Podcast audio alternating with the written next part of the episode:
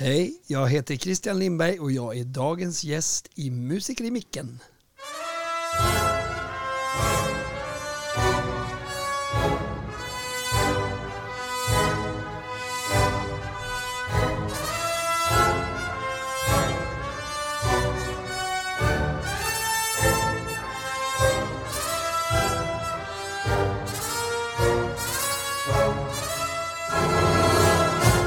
Christian Lindberg, varmt välkommen till Musiker i micken. Tack, tack. Idag är det lite speciellt för att jag sitter själv på andra sidan här. I vanliga fall så brukar vi ha Filip eller Tanja här, men de kunde inte idag så istället så är det du och jag. Så vi, vi testar en ny form. Det ska bli spännande. Kul, jättekul. Eh, har du pratat mycket i radio eller, eller gjort så här podd? Jag har gjort jättemycket sånt. Jag har till och med själv, vårt nya skivbolag European Gramophone, vi har en liveshow varje tisdagkväll klockan nio. Jag och Per Egland och det, så jag tycker det är jättekul. Jag älskar det här med poddar.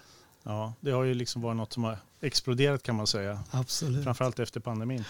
Eh, vi kommer båda från eh, dagens repetition. Eh, dels Mozarts eh, 22 pianokonsert med Roland Puntinen, men eh, ännu mer Allan Petterssons eh, åttonde symfoni som just står på menyn den här veckan. Mm. Eh, sist vi spelade den, det var ju när vi spelade in den med Leif Segerstam och det var ju eh, 96, 97 kanske det var. Och sånt. Jag, jag var med själv då. Ja, 25 år sedan alltså. Ja, precis. Jag, jag tänker det när jag ser anteckningarna. På så här, så, det där skedde för 25 år sedan. Allt det som har hänt därifrån fram tills idag, liksom, det, man klipper ut det och, och sådär. Um, det här med Pettersson. Eh, faktum är att det första programmet vi gjorde i den här podden Eh, handlade om Pettersson, eller ingången till Pettersson på något sätt. Och, eh, och eh, pandemin satte ju lite grann stopp för flödet av inspelningar. Men nu är vi liksom på gång igen, vi ska spela in den här i januari.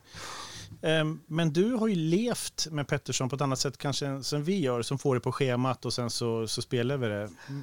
Jag menar, hur, hur har Pettersson format ditt liv, eller vad säger Jo, han har, alltså, som kompositör så har han ju inspirerat något enormt alltså. Eh, jag menar, jag tänker ju på ett annorlunda sätt nu tror jag som kompositör efter, efter att jag har gått igenom alla de här, jag tror att det är 14, det här är 14 symfonin som jag liksom eh, memorerar då och, och läser in och läser allting. För mig har det varit en enorm resa. Redan från början, redan när jag var 12 år så var jag hängiven Pettersson-fan för att jag hade en goda vänner som hade köpt den där gamla Commissiona-inspelningen. Och eh, ja, alltså, men framför allt varje symfoni som jag sätter mig in i så alltså växer han som tonsättare mer och mer. Mm. Den här, och, och, det som är så fantastiskt är orkestern här i Norrköping därför att nu har vi eh, Pettersson-koden, the Pettersson Code kallar, kallar jag det, det låter som en deckare. Ja, precis. Alla, när man kommer till första repetitionen här, det är en vansinnig skillnad. Jag har gjort den både i Asien, Amerika och i, inte den, men Pettersson har gjort, och i Holland och på flera olika ställen. Och när man kommer till första repetitionen där så är det kaos. Och man måste kämpa kämpa sig igenom för att komma till en viss nivå. Här i Norrköping så går man, kör man rakt igenom symfonin. Alla vet var de svåra ställena är, mm. har förberett sig innan. Så, och vet också att de här sakerna som är synkoper som är så speciella, de är inprogrammerade i huvudet på den här orkestern. Mm. Och det är fenomenalt. Jag menar, vi slog rakt igenom symfonin första direkt när jag kom här och det var inte mycket fel. Men, men, när du säger att andra orkestrar, om man generaliserar, eh, har svårare att eh, vid första repstarten. Jag menar, det, är inte, det finns ju mycket svårare nutida musik mm. äh, än det här. Vad är det som du tror att de inte greppar om det inte eller vad är det som Nej, alltså det, jag tror inte nödvändigtvis att det finns svårare musik, men det är bara det att den här, den här musiken är ju så känslig. Den är så otroligt viktigt att man spelar exakt som det står och att man vet hur han har instrumenterat för han är en genial instrumentatör. Alltså, han lägger andra fioler med, med på fjärde sträng tillsammans med en sordinerad trumpet. Och vet man inte det innan alltså jag tror många andra fiolinister här vet att jaha, var ligger den? Och den ligger i trumpeten där. Mm. Då intonerar jag i förhållande till den. Så det är massa sådana där små hemliga i, koder i hans musik som man måste ha. Och det, det är den här orkestern nu efter alla de här åren inprogrammerad med i huvudet. Det, det är faktiskt precis som du säger, att man lyssnar efter, för oftast är det så att just andra fiol exempelvis, som, Mm. som jag ju också spelar, så, så kanske det är ett annat instrument som är med på melodin och då lyssnar man automatiskt efter det. Ja. Du sa trumpet, det kan vara horn också, Ja, eh, ja. ganska ofta. Väldigt ofta. Men för det, är- det är just det här med Pettersson som jag tycker är så genialiskt just med honom, att han kunde instrumentera något så in i alltså. Det, det är nästan läskigt. det är nästan läskigt. Vartenda instrument har en utmaning. Ja, och jag vet ju, jag har ju hört, han var ju, och vickade, han var ju själv violast. Och han var ju vickade i Gävle, det gjorde alla stockholmare. Och han satt och drack öl med slagverkarna där. Och han frågade och frågade och frågade och han satt med trombonisterna. Jag menar, om jag tittar, om jag gör en Mahler-symfoni till exempel, andra eller femte eller vad det nu är. Han skriver rätt bra för trombon. Men alltså, mitt instrument känner ju jag. Och jag menar, Petterssons kunskap om trombonen är milsvid över Mahlers. Han, kan, han kan använda den, och så är det med andra, alla instrument. Jag menar, tala bara om fiolen och alla de här specialtricken med flageoletter och, och, och, och fjärde sträng och, och massa pits. Det är helt fantastiskt. Eh, Nu, Vilken värld han eh, har. Nu är faktiskt eh, åttan här är ju inte en av de sv- tekniskt svårare. Det är snarare tvärtom. Ehm, Men eh, jag tänker just på när vi gjorde nummer 13 och så vidare. Som jag betraktar ju som andra fiolstämman var i princip som en fiolkonsert. Ja. Eller, eller alla instrument, stämmor, var som konserter för dessa instrument för att det var så svårt. Det var liksom en... Det, det är utmaning på ett sätt som man inte möter. Ja. Jag menar, det kan vara att stråket har jättemycket att göra, men trombonerna sitter där och kommer med i sista satsen. Ja, Eh, just det. jag menar, Ja, ja, visst, så. visst, så visst. att det är det som är så fascinerande. Jag, jag, jag fick någon sån där bara, eh, aha, just det här med Pettersson, vad, vad det är som gör, häromdagen bara. Mm. Han är tredimensionell. Ja. Jag, och jag vet inte var jag fick det ifrån. Det, det är någonting i... Eh, ja, jag vet inte, det är strukturen på något sätt. Det, det är det och det är, det är ju som ett eh, schackspel. Han spelade ju schack med sig själv bland annat. Nej, men han, hans huvud är och, och, och kan tänka också att han skrev det ur huvudet. Och han har ju de här, när man, för mig, jag, när jag började med att studera en Pettersson, trots att jag känner tonspråket, trots att jag känner liksom koden och allting, så när jag kommer till den här åttonde första gången så, så fattar jag bara, det, det är som en snårskog, jag fattar väldigt lite. Det tar mig fyra, fem månader, men när de fyra, fem månaderna kommit så ser jag, ser jag liksom vilka enorma polyfona idéer han har, hur det, hur det bara slänger sig från det ena till det andra och hur han använder teman som kommer tillbaks nästa gång. Bara det här di, di. Ja, det bygger egentligen bara på den tonen. Ja. Bari. Och den kommer i olika skepnader på olika sätt och ibland vänder han och gör spegelvändningar och sånt där. Ba-di-da-di-da, bi-da-da-da-di. Så, så här, det är så fenomenalt kompositoriskt skickligt. Det finns, eh, det, jag tycker just, just den här åttan finns det en del ställen som faktiskt är väldigt filmmusikmässiga. Mm. Starten på andra satsen är ju, det kunde ha plockat ur Sagan om ringen eller Absolut. någonting. Alltså, eh, ja, men rakt upp och ner. Det Rakt upp och ner, absolut. men, eh, men eh, du skriver musik eh, sedan många år och jag tänker, påverkas du, eller har du påverkats av, av Petterssons kompositionsstil eller, eller, eller influeras du av det? Eh, inte stilen och inte, inte det egentligen tror jag. Utan jag, jag har ju mitt... Alltså jag, som människa är jag så annorlunda mot Pettersson. Petterssons person lyser igenom hans musik. Så jag skulle aldrig använda de här, liksom, han har ju de här mollackorden som ständigt kommer tillbaks med mörka liksom, basar och. Det är inte min värld, men däremot så ser jag ju hans instrumentationsskicklighet, hur han har en melodi som är väldigt svår att få att intonera i en viola till exempel. Och så lägger han den samtidigt i ett horn och, eller, och en klarinett och någonting. Och då plötsligt så blandar sig de här klangerna så det låter mycket renare, det låter mycket bättre, allting.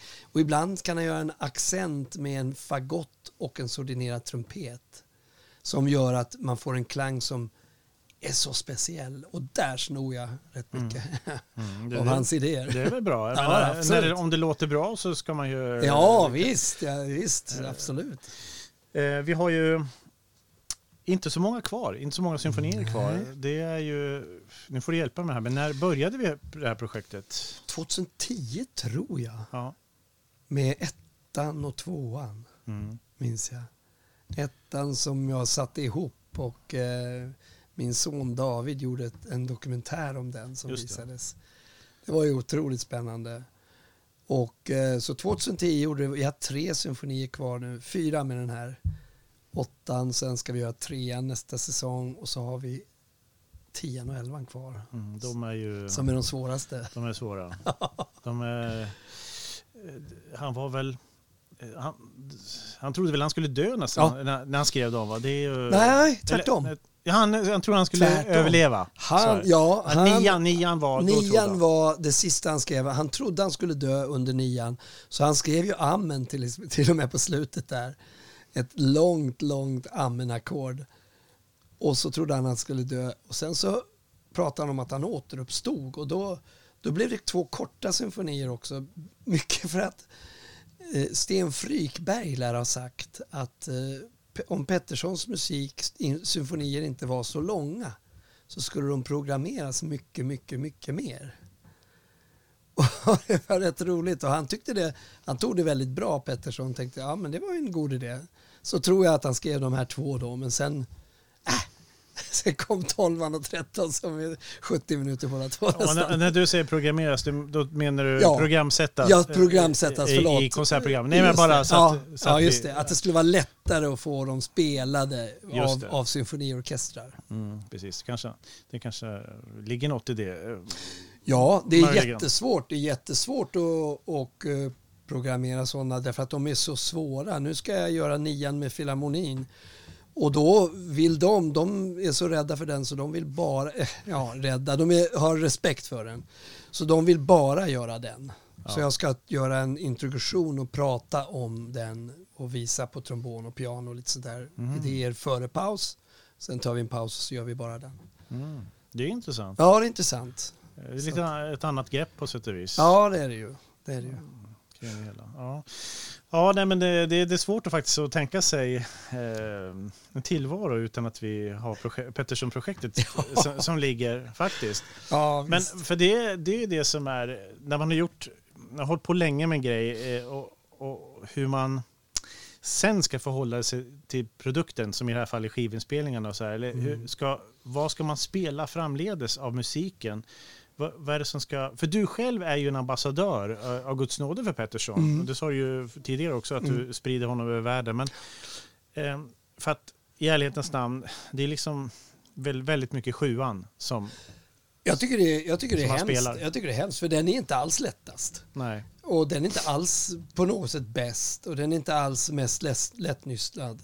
Sådär. Jag, jag tror ju, jag har upplevt att fyran fungerar fantastiskt väl. 15 som är 35 minuter lång, den är en, en fantastisk symfoni, det gjorde vi sist här. Och den här åttan, den tror jag nästan har den största potentialen att komma. Men det, det, tar, det kommer ta 30 år till. Men då är jag övertygad om, det var ju som Mahler alltså, när Mahler kom med sin musik, Wienerfilharmonikerna, de hatade det. De hatade att spela hans musik och Bernstein sa ju till och med till dem, jag är hemskt ledsen men vi kan väl göra det för honom där uppe i himlen. Ja. Så att det är ju, jag är övertygad om att om jag nu får eh, hålla på tio år, nu var det ju stopp med pandemin, jag var ju igång och gjorde massa grejer och sålde de här Petterssonarna, men tio år till och då, då kommer jag nog själv att försöka koncentrera mig på 15 och 8 tror jag. Mm. Får se hur trean funkar. Den kan också vara en, det är en lite enklare variant. Mm. Så att trean, 15 och 8 tror jag har stor potential att nå en större publik. Mm. Vi, Där, vi gjorde ju sjuan i, i och fick Exakt. stående ovationer, Ja. fullsatt och en recensioner som var bara wow. Ja, det var exakt det jag, jag tänkte just på den konserten. För att eh, när, när folk sitter där och Mm. de har ingen aning. Eh, vi spelade Oberon, Overtyren Mm. och vi spelade eh, Beethovens Be- violinkonsert. Ja, precis. Och sen så är det något till stycke som heter Pettersson som är med här. Okej, jag stannar kvar. Tänker de och så sitter de där. Och så ser man på de här människorna med, med juvelsmycken och, och, och, och sådär hur tårarna bara rinner. Det, det är faktiskt otroligt minnesvärt. Det är det verkligen. Jag tror att de blev lite chockade. Ja. Eh, Och det är just det som vi- tidigare sagt här i podden, att Pettersson går, liksom, går in på något sätt i själen. Eller man Mm. kan inte värja sig. Det är det som är, eh, det är, det som är med honom. Nej, och till och med det, det märkliga är ju att när man nu går igenom åttan så ser man ju på Youtube nu och Facebook, där, eller på Youtube och på Spotify så finns ju ett flertal inspelningar. Plötsligt kommer jag, halkade jag på en inspelning med Chicago Symphony Orchestra på åttan. Med en, en, en, en dirigent som har varit konsertmästare i hovkapellet här samtidigt som jag. Jaha. Jag hade inte en aning om det. Och så gör, eh, spelar de den, förvisso inte så där mycket rätt toner. Ja, rätt toner är det, men det är inte rätt tempo. Det är liksom lite kaos. va. Trots den kaosen som jag upplevde då, som kan partituret, tänkte jag, vad är det här? Ändå så är det enorma ovationer Mm. för Pettersson i Chicago. Det är fascinerande. Det är ganska spännande tycker jag. Du är ju väldigt noga med just hans metronomiseringar. Ja. Du vill att det ska vara precis som det står eftersom som du sa igår, Mm, han var väldigt medveten om det själv. otroligt medveten. Eh, Så att, eh, mm. Han var ju så noga och de här, de här breven som jag hittade och dagböckerna eh, de har ju släppts först nu. En, åtta stora koffertar som efter hans änka har överlämnats till Uppsala universitet. Jag gick igenom det där, det var så fascinerande hur han satt själv hemma, sjöng igenom symfonierna, noterade idag symfoni nummer 8, 13.00 tog den när jag sjöng igenom den 45 minuter och 38 sekunder. Så kan det vara tre dagar efter. Idag tog den bara 44 minuter och 33 sekunder. Där. Och sen så, sen så när han har gjort det där 10-15 gånger, då skriver han in i partituret speltid. 45 minuter. Och ett, eh, åttan till exempel, sjuan till exempel, den har en speltid 41, mellan 41 och 42 minuter. Och gör man rätt metronomiseringar, man hamnar exakt där. Vår inspelning är eh, 41 och 40 tror jag. Men, så, hans, Nej, 40, ja just det, mellan 41 och 42. och så hans efterbearbetningar eh, tog ganska eh, lång tid då för att på något vis landa i hur lång tid det ska ta och, och bara han dubbelchecka sina metronomiseringar Ja. innan han sen kanske går vidare med något annat. Mm. Ja, det är Han var otroligt noggrann. Och partituren är så noggrant skrivna alltså. Mm. Ja, fascinerande. Eh, annars eh, Christian Lindberg eh, som vi har i studion idag. Du har ju en... Du har ju en... en eh, det, alltså det är svårt att sammanfatta allt som du har gjort. ja, men det är faktiskt det. Och som, allt som du gör. Du får, du får rätta mig här nu. Eh, det stod någonstans att du har gjort mer än 70 egna inspelningar. Ja, oh ja. Det stämmer. Oh ja. Det är, nu, är det, nu är det uppåt 150. 100, Okej, dubbel. 150. Du, du har uruppfört mer än 300 verk. Det, det, Det det, stämmer, det ungefär stämmer. stämmer. och varav, nu den där stämmer nog inte den siffran för att det är 127 trombonkonserter. Det är otroligt. Alltså, Ja. det, det, Jag fattar inte själv. Jag kan inte ens räkna upp 127 fiolkonserter. Eh, och sen eh, för några år sedan så röstade världens största radiokanal, Classic FM, Mm. eh, fram dig som, som eh, 1900-talets främste brassmusiker. Och du har ju en lång, väldigt lång karriär eh, bakom dig som trombonist. Eh, och sen många, många år, eh, jag vet inte hur länge du har komponerat, en 25, 20, Mm, jag började två, 99, 98 skrev jag mitt första verk, Araben. Så att jag har komponerat, vad blir det? Det blir 22, 24 år. ja, lite jubileum nästa år. Ja, det blir det. 25. och sen dirigerar du också. Ja, Eh, det är också, där, det började 2000 i, oktober gjorde jag min första konsert med Northern Symfonia. Mm. Och, eh, och som du också sa i början, sedan några år tillbaka så driver du också ett eget skivbolag, Mm. European Gramophone. Eh, alltså, vad är det som driver dig? Det, alltså man, du, du har inte bara eh, två eh, fingrar i syltburken, du har liksom båda händerna. Det är, det är två saker. Dels är det från första gången jag såg filmen Help.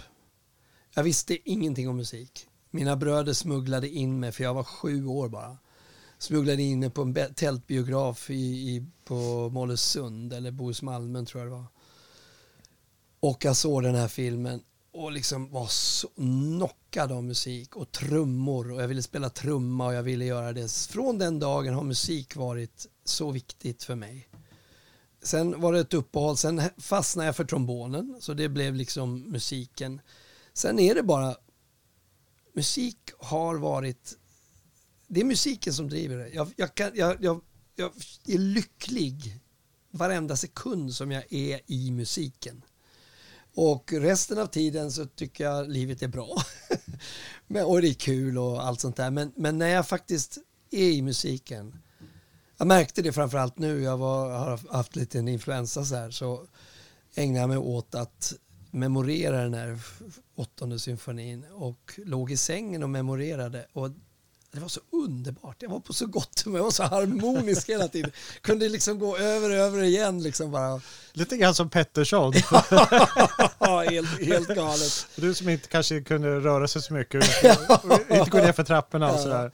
Men sen, och sen är, det, sen är det en annan grej och det är att jag är en control freak av Guds nåde. Alltså jag, jag, jag, jag har jobbat med BIS som är världens bästa skivbolag tycker jag i alla år. Men trots det så är det så att när jag står på podiet så hör ju jag precis den bild som jag vill höra.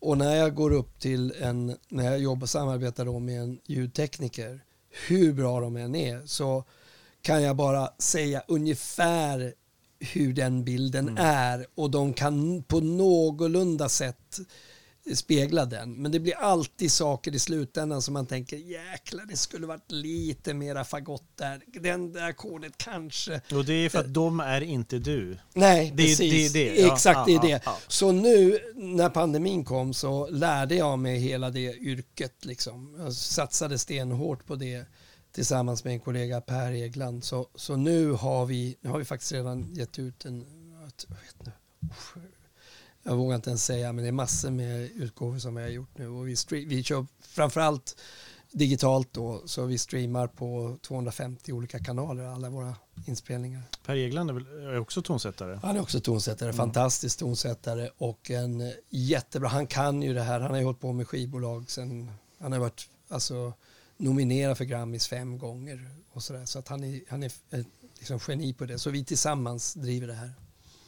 Men, men eh, jag menar, man kan äga ett skivbolag och man kan säga, men, men om att lära sig att spela in, det, det vittnar ju ändå om någonstans en genuint intresse för just inspelningsteknik på något sätt. Det, Mm. det, det är svårt bara att läsa sig till. Är det någonting som har växt fram det här intresset eh, att spela in? Eller har du alltid spelat in dig själv när du har spelat trombon och sådär? Har du liksom checkat, checkat av dig själv? Det har jag nog alltid gjort. Ja. Men först nu när Per, med de nya teknikerna, alltså det, det vi har investerat i mickar för en miljon och, och, eh, och när man då lär sig de här programmen och datorerna och allting så ser man det är som en julafton, man, man har liksom alla kanaler och man kan verkligen göra, man lär sig.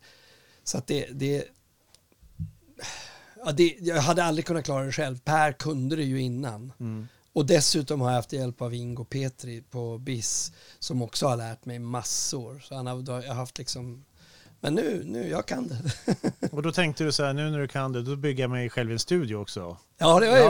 gjort. Det har jag gjort. Jag byggde en studio, köpte en Steinway D-flygel Ja. som Roland spelar in på. Och han älskar den flygeln. Han säger det är den bästa Schubert-flygel han har spelat på. Är En Ja. gammal från 60, 63, så en gammal Hamburg eh, Steinway D som, som eh, Tore då som är pianotekniker på Konserthuset i Stockholm. Han har, han har hand om den så att jag fixar den Okej. och intonerar den och grejer.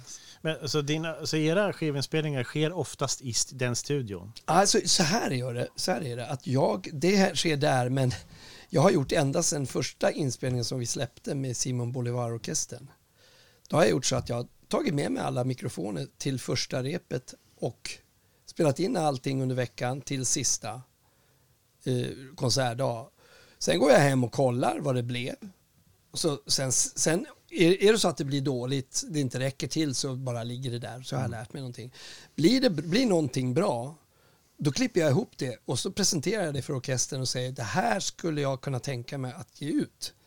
Vad tycker ni? Lyssna igenom och så lyssnar de och i alla, alltså vi har faktiskt signat 26 orkestrar Oj. över hela världen med den tekniken alltså. Du slänger ut ett bete kan man Ja, säga. jag slänger bara ut betet och det är först, först tar man ju naturligtvis kontakt med, med orkestern och säger får jag sätta upp mina mickar Mm. på, på bara eh,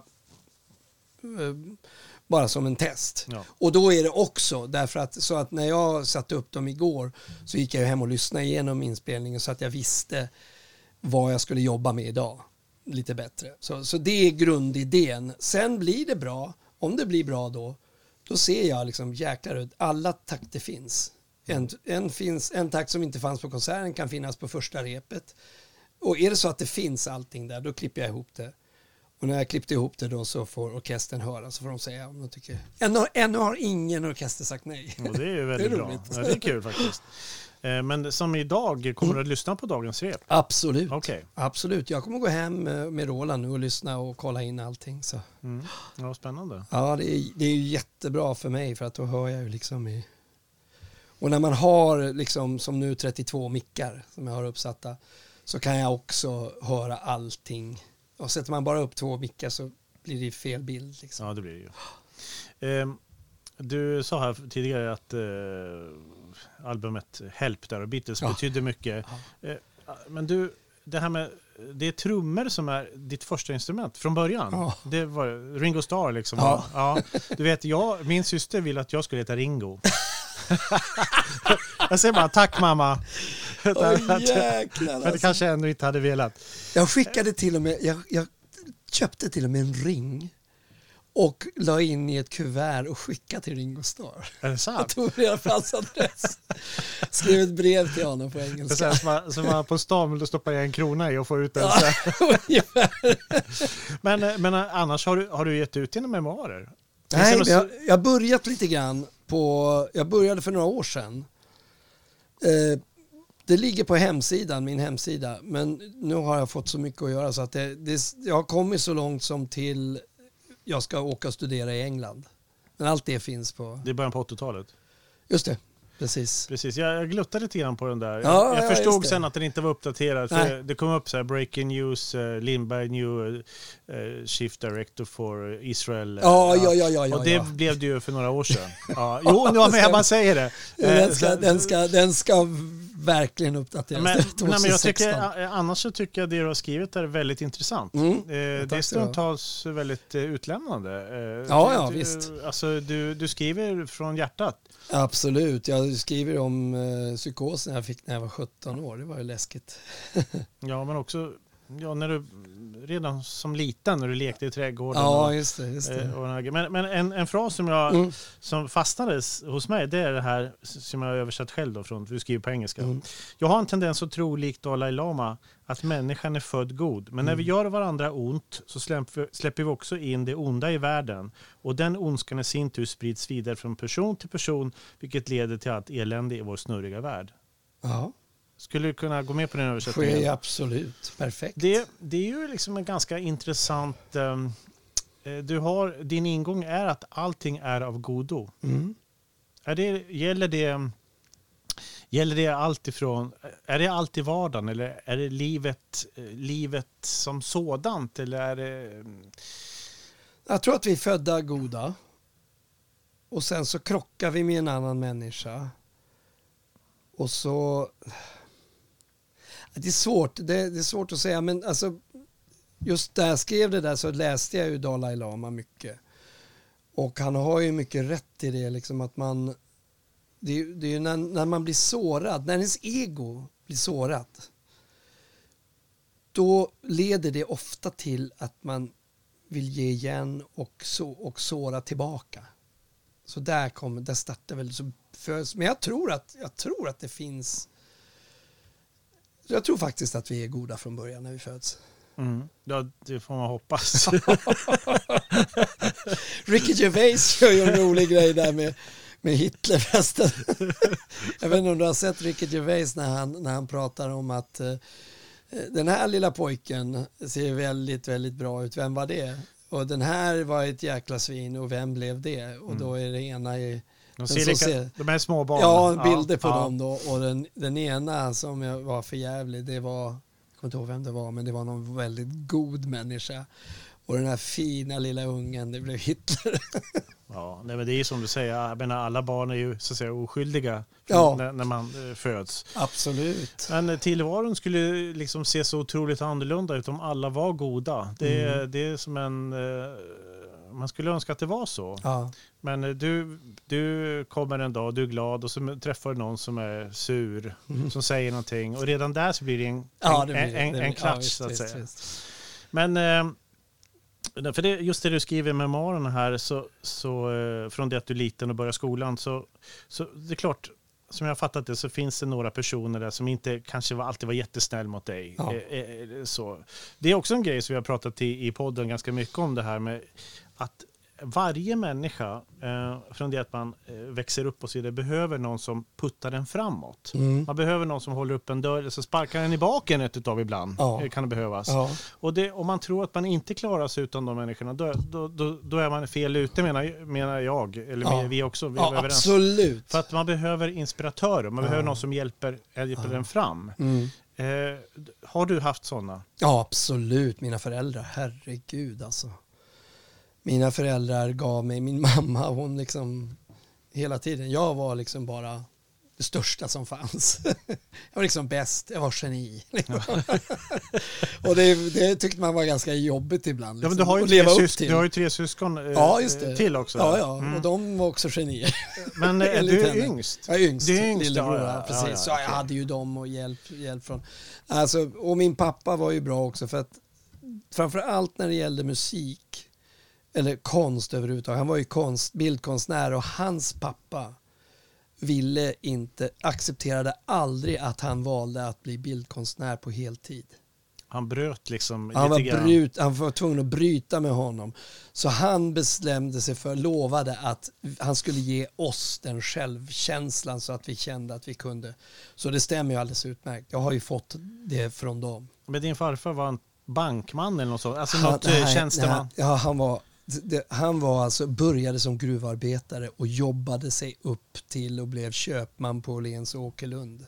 Aha. Så han var en stor sån här, han, blev en, han köpte en villa i Ålsten och var så stolt över sin karriär och han hade en son som han ville skulle ta över det han gjorde och han försökte till och med få honom att göra en kompromiss att han skulle bli reklamtecknare och fixa ett jobb åt honom på Åhléns och han, när han skulle gå på intervjun, min pappa, så gick han inte dit. Nej, det var inte hans grej? Nej, han, han, vägrade helt enkelt. Och då blev det en clash. Men, men alltså, ehm, eh, har, har, du inte någonting gemensamt lite grann med din farfar när det just, just gäller det här med att vara en doer?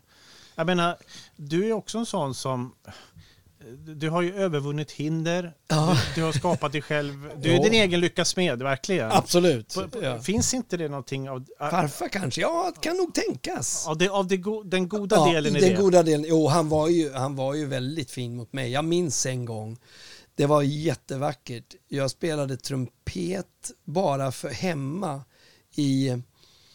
Eh, vi hade någon fest och så ville de att jag skulle spela lite trumpet som jag gjorde då. Så spelade jag en sång. Så gick jag upp med min trumpet. Då kom farfar upp och gav mig en femkrona och sa man ska få betalt när man spelar så fint. Ja, och det var ju det var jättegulligt. Så, ja, så han ville nog, han var bara mest orolig tror jag. Med rätta kanske också för att vi var fyra barn som levde i liksom överklassamhället i Djursholm med två föräldrar som hade inga stadiga inkomster. De var konstnärer De var konstnärer båda två. Ja.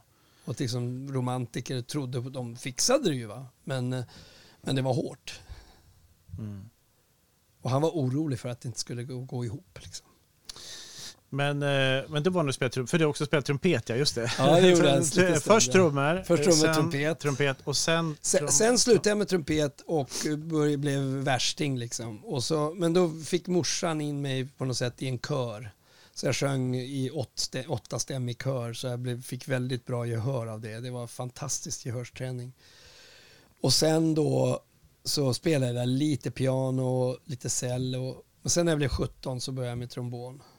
Och då gick det bara raka vägen. Kände du det liksom inom dig att, att det är någonting som klickar här? Ja. Det, det, när det klickar så är det svårt ibland att liksom veta vad det är som klickar. Ja, nej, men det som klickade var också att min lärare Sven-Erik Eriksson som satt i Hovkapellet, han var ju min, jag var hans första elev och eh, han var naturligtvis då min första lärare som verkligen engagerade sig i mig och var otroligt bra. Så han fixade ju då efter redan sju månader fick jag vicka i, i Gävle Symfonikerna. Mm. Och det var ju, det var ju det var lite för svårt för mig. Det var därför jag liksom bröt ihop. Va? Men jag kände ju liksom att det gick bara vi, vilket år är vi nu ungefär? Eh, 70... 74. Ah, Det, det är precis där i 74. år. Jag är från Gävle. Eh, Det, det är nästan så att jag skulle kunna ha hört dig. Alltså. Åh jag, jäklar! jag började ju ja. gå på konserter där, i- där i krokarna. Alltså. Ja, just det. Rainer Miedel var det som dirigerade när jag provade då. Jag fick Ja. prova med, med Dvořáks 8. Och, och det är ju jättesvåra trombonstämmor där så att jag var livrädd liksom. Och så, men så sa han att nej men han är godkänd, det var bra spelat. Och så fick jag, skulle jag göra en turné med dem. Men det vågade jag inte åka på så jag sjukskrev mig. Aha. Eller jag fick faktiskt feber. Så att jag, Men du, du var ehm, den första i din familj som har ja, men, trombonen som, som, eh, som ett orkesterinstrument. Är du den första? Eh, Eh, Som, har- som har ett sånt instrument. Din brorsa Jakob han ja, spel- just spelar gitarr och Han luta. spelar gitarr och luta, Ja, exakt. men du var den först med, ja, med, med det. Ja. ja, precis. Just precis. Mm. Ja, då har du liksom brutit väg där också. På Ja. något sätt. Men eh, ja, det, det är, en- du har haft verkligen du har en fantastisk karriär och, eh, och man ska inte heller som sagt glömma bort ditt komponerande. eh, Som, som ju, om du skulle själv eh, beskriva ditt, din stil, eller har, har du någon stil? Eller hur? Nej, jag har ingen stil. Eller ja, nej. Alltså jag försöker tänka att allting är ett... Alltså totalt fritt alltså. Jag skulle säga så här att jag, jag, jag, jag har ju hört så mycket musik, jag har spelat så mycket musik så att allt det som har kommit in processas här inne. Och sen när jag sätter igång och skriva ett verk då försöker jag vara totalt fri och förutsättningslöst. Inga regler överhuvudtaget. Och då gör jag små embryos, små idéer. Och jag gör alltid, varje stycke gör jag 24 idéer. Det är så lite mindmapping, Ja, ja, så här jag- man för till olika tankar. I, Ja, jag skriver ihop en liten, kanske 20 sekunder Okej. av någonting. Det blir någonting så här. Så låter det och sen lägger jag det där. Liksom håller på två timmar med det och så ligger det där och så när det är 24 stycken är färdiga då, lys- då lyssnar jag igenom alla och kollar igenom alla så tar jag bort en efter en. Så här. Och så blir det sex stycken kvar som, är, som, som jag väljer att bygga stycket på. Du har sållat ganska hårt där. Ja, så hålla hårt. Ja, gör jag. Så då, brukar, då använder jag det och sen så börjar jag från början att skriva, komponera i så långt som stycket ska vara. Det är ju, det är ju, eh, jag har bara skrivit på beställningen så länge så att då har jag ett verk som är 20 minuter för till exempel Peking Twilight som jag skrev för Norrköping då, orkestern för 100-årsjubileet. Då, då, eh, då var det 20 minuter som skulle vara tror jag. Eller 15, jag kommer inte ihåg exakt, men 17. någonting. Mm, mm. Så att då börjar jag bara från början och liksom bygger så här. Och så. Mm. Och så. Jag vet inte om du minns det, men, men du ringde ju mig där för att eh, du, du, du ville det. ha IFK-sången på... Exakt, det stämmer ja. Så den, den drog jag in där Ja, i lite med där. sibelisk stil. Ja, Ja, där använde jag lite liksom, täckmantel-sibelius var det. Ja, precis. Ja, det var en rolig konsert där. Ja. Ja. Nej, men och framöver, hur eh, i ditt... eh, Jag menar, det här med att vara solist. Mm. Är det fortfarande lika kul? Eller finns det andra saker i det hela som Kan det vara jobbigt också att åka runt? Ja, det kan vara lite jobbigt. Nu har jag bestämt mig för efter pandemin. Det var väldigt skönt, faktiskt. Det ska man inte säga, för det var ju förskräckligt. Men för mig var det ganska speciellt att eh, vara hemma så mycket och på ett ställe hela tiden. För resorna är ju tröttande alltså. Och sen, sen när jag då sa att, liksom, gick ut med att nu sätter jag igång igen. Då sa det bara smack. Och så var våren som var nu. Full? Full, alltså för det första var den full. Och, och så när jag började säsongen i september nu, första september, var jag helt slutkörd. Och tänkte, nej jag gör inte så här längre. Så att då gjorde jag så, då fick jag ut till alla orkestrar att nu tar jag ungefär ett jobb i månaden. Okay. Eventuellt två. Men inte mer alltså. Och så då har jag fyllt hela allting till liksom 2024 nu. Vi pratar solo, eh, trom, eh, trom, spel? Nej, nej, det är både spel ja, okay. och det är både spel, dirigering och nej, nej alltså. Och komponering, det sköter du? Komponera, ja, det, det, nej, där ska jag också vara lite mer. Jag vet inte hur mycket jag kommer, kommer ta, ta så mycket beställningar. Nu har jag bara tagit en som jag håller på med just nu och jag har inte tagit något annat. Men det får vi se då. Men, men nu ska jag liksom hålla ett... Ja, det är Och sen har jag också det här att jag vill verkligen eh, göra alla partitur som dirigent. Liksom ha alla partitur i huvudet. Och det tar ju lite extra tid. Det gör det, ja. Så att det, det är sådana saker. Så, så, så tänker jag lite grann. Och, men jag övar ju liksom två, två, tre timmar varje dag i alla fall. Så jag håller igång den, den grejen. Man måste ju liksom vara snäll mot sig själv. Ja. Jag menar att inte... ja. Jag menar, det är lätt som helst att, att bara låta allting eh, ja. dränka en. Men då, ja. då, då tar det liksom slut på något sätt. Det gör det. det gör det. Eh, en väldigt intressant grej, ehm, det var ju under, under pandemin när du gav en väldigt tydlig bild av när du hade gjort en videodagbok på sociala medier när du var i Taipei var det väl? Ja, just det, just ja, det. Ja, det, det. var många som följde det. Där du, du, kom, du kom till ett hotellrum i Taipei, du skulle ja. spela där. Eh, och, och du skulle först sitta i karantän i tio dagar. 14 dagar. 14 dagar. 14 dagar utan att öppna fönstret. Ja, så var det. Eh, och varje dag så kör du liksom lite snabba klipp så här. Och så man ser en människa, man ser alltså ja. Christian, som sakta liksom bryts ner skulle jag nästan vilja säga. Absolut. Jag vet, det är På någonstans riktigt. kring eh, nio, dag 9, dag 10 där du ligger i sängen ja. och bara filmar och säger, så säger ja, idag, nu är det morgon igen. Åh, jag är så trött. Eller så och sen, alltså, det, det, var ganska förskräckligt. Ja, det var det verkligen. Men var det inte så, har jag hört, att du bytte hotellrum för att kunna få mer yta? Det gjorde jag, precis. För att, blev ja. du paniks... Jag blev panikslagen. Mm. Jag, jag stod inte ut alltså. Och då var det ändå inte litet. Det var ju 50 kvadrat jag hade då. Men jag bytte till 72. Ja. Och eh, så det... Och så ser man hur du, hur du filmar ut genom fönstret. ut på friheten liksom. Herregud alltså. och sen kan jag tänka mig den dagen, oh. eh, den dagen när, när du fick komma ut. Ja. Komma ut. Det var ju som lukter. Det, alltså luktsinnet kom ju igång. Mm. Som tur var hade jag inte haft covid då. Men när man kände alla dofter som man inte hade haft i det där lilla instängda rummet. Det var fantastiskt. Man kanske på något sätt eh, uppskattar livet lite extra. Det tror jag man gör. Eh. Många gör nog det efter. Jag tycker jag, tycker jag har märkt en sak när jag kommer tillbaka till orkestrar.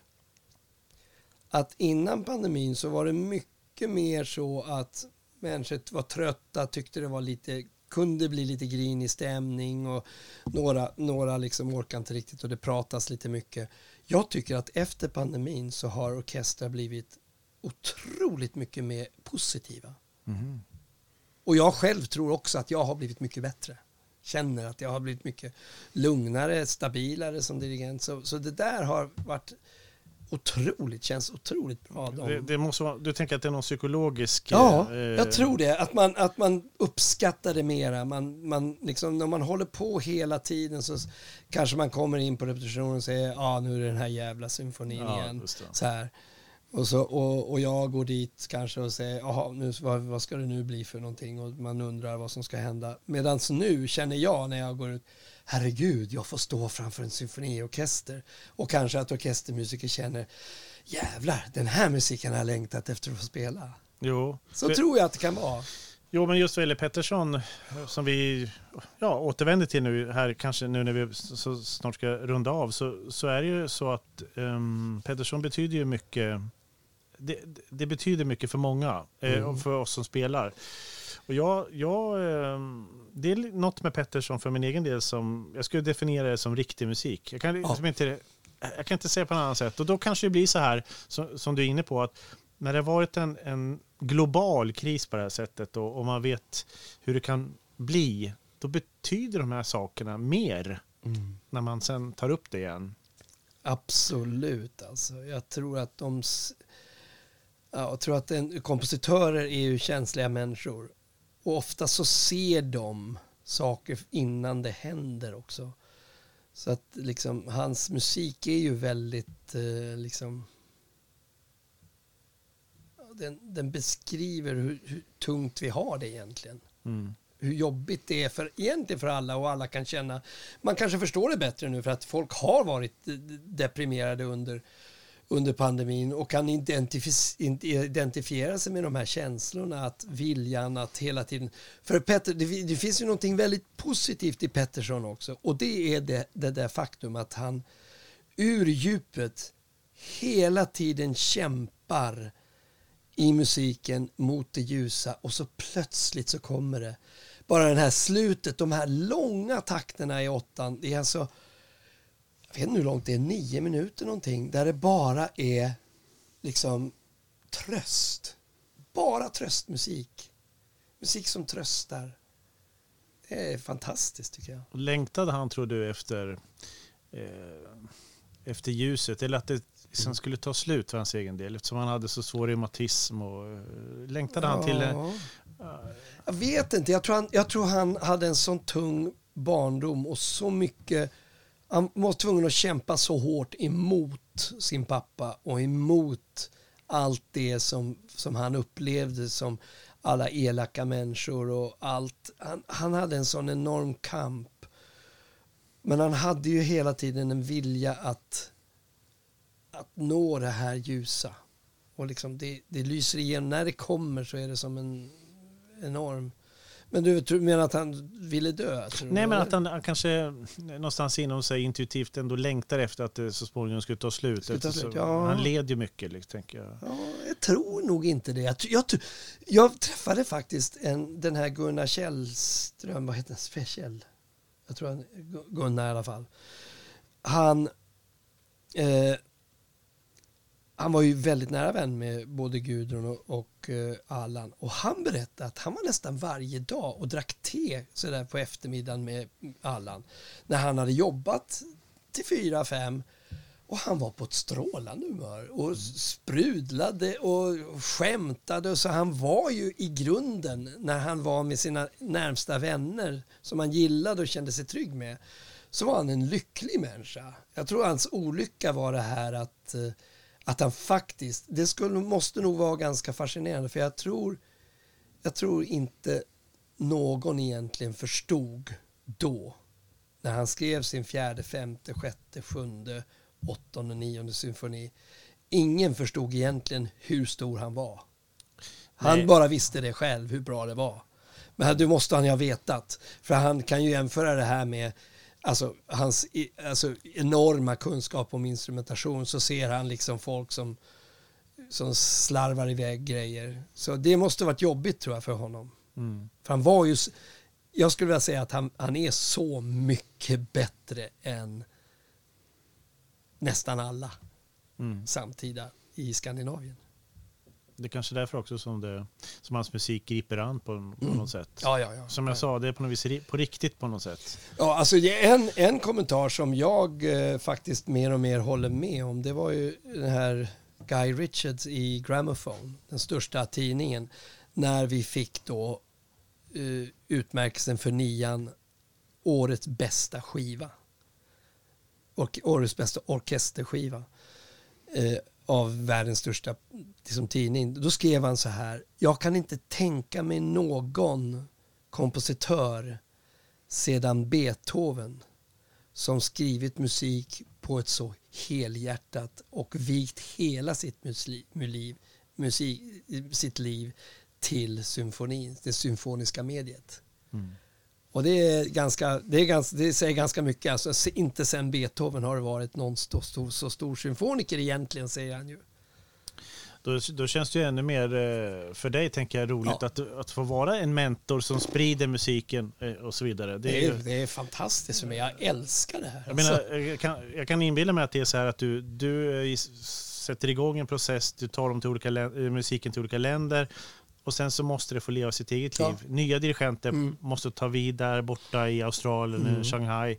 Eh, och sen så, så att det spinner mm. igång. Liksom. Ja, visst. Och där, då vet vi inte, när han har blivit en del av alla världens konsertprogram, då vet vi inte riktigt när det är riktigt. Nej, det vet vi inte. Men det, det kan skulle, dröja. Men, men det kan, kan dröja, det, det, tror jag nog. Jag skulle tippa 30 år. Mm. Det är min gissning. Men under den tiden så kommer jag i alla fall ha jäkligt roligt med de här symfonierna. När man väl kan, alltså lära sig dem är ju ett helskotta även för er alltså. Jo men det, det, jo, men det är också så att... När man väl kan det. Så ja men när man, när man spelar hans musik, ska ja. jag bara säga, eh, för det som lyssnar så kan det vara ändå bra för förståelsens skull, att man blir i så otroligt bra form. Ja. Alltså spel, eh, spelkonditionen. Ja, just det. Så därför så passar det väldigt bra att vi här nästa vecka ska göra Mahlers femma. Eh, som, som ju också är en, är en ja. stor symfoni. Ja. Men orkestern är i väldigt bra form ja. efter en sån här vecka. Precis. Och det, det är väldigt roligt. Ja, det är kul. Det är ju verkligen kul. Så att, eh, ja, ja verkligen jätteroligt. Christian Lindberg, mm. fantastiskt roligt att ha haft det här och vi ser mycket fram emot dels konserten i morgon i Linköping med eh, Roland Pönternen som spelar Mozart nummer 22. Och då spelar vi också bara första satsen av Pettersson. Precis. Men på torsdag så gör vi hela programmet mm. här i Norrköping. Så att, ja men vi fortsätter att missionera ja. Petterssons budskap i världen. Jättekul, trevligt att prata. Ja, tack så jättemycket. tack. tack. Hej. Hej.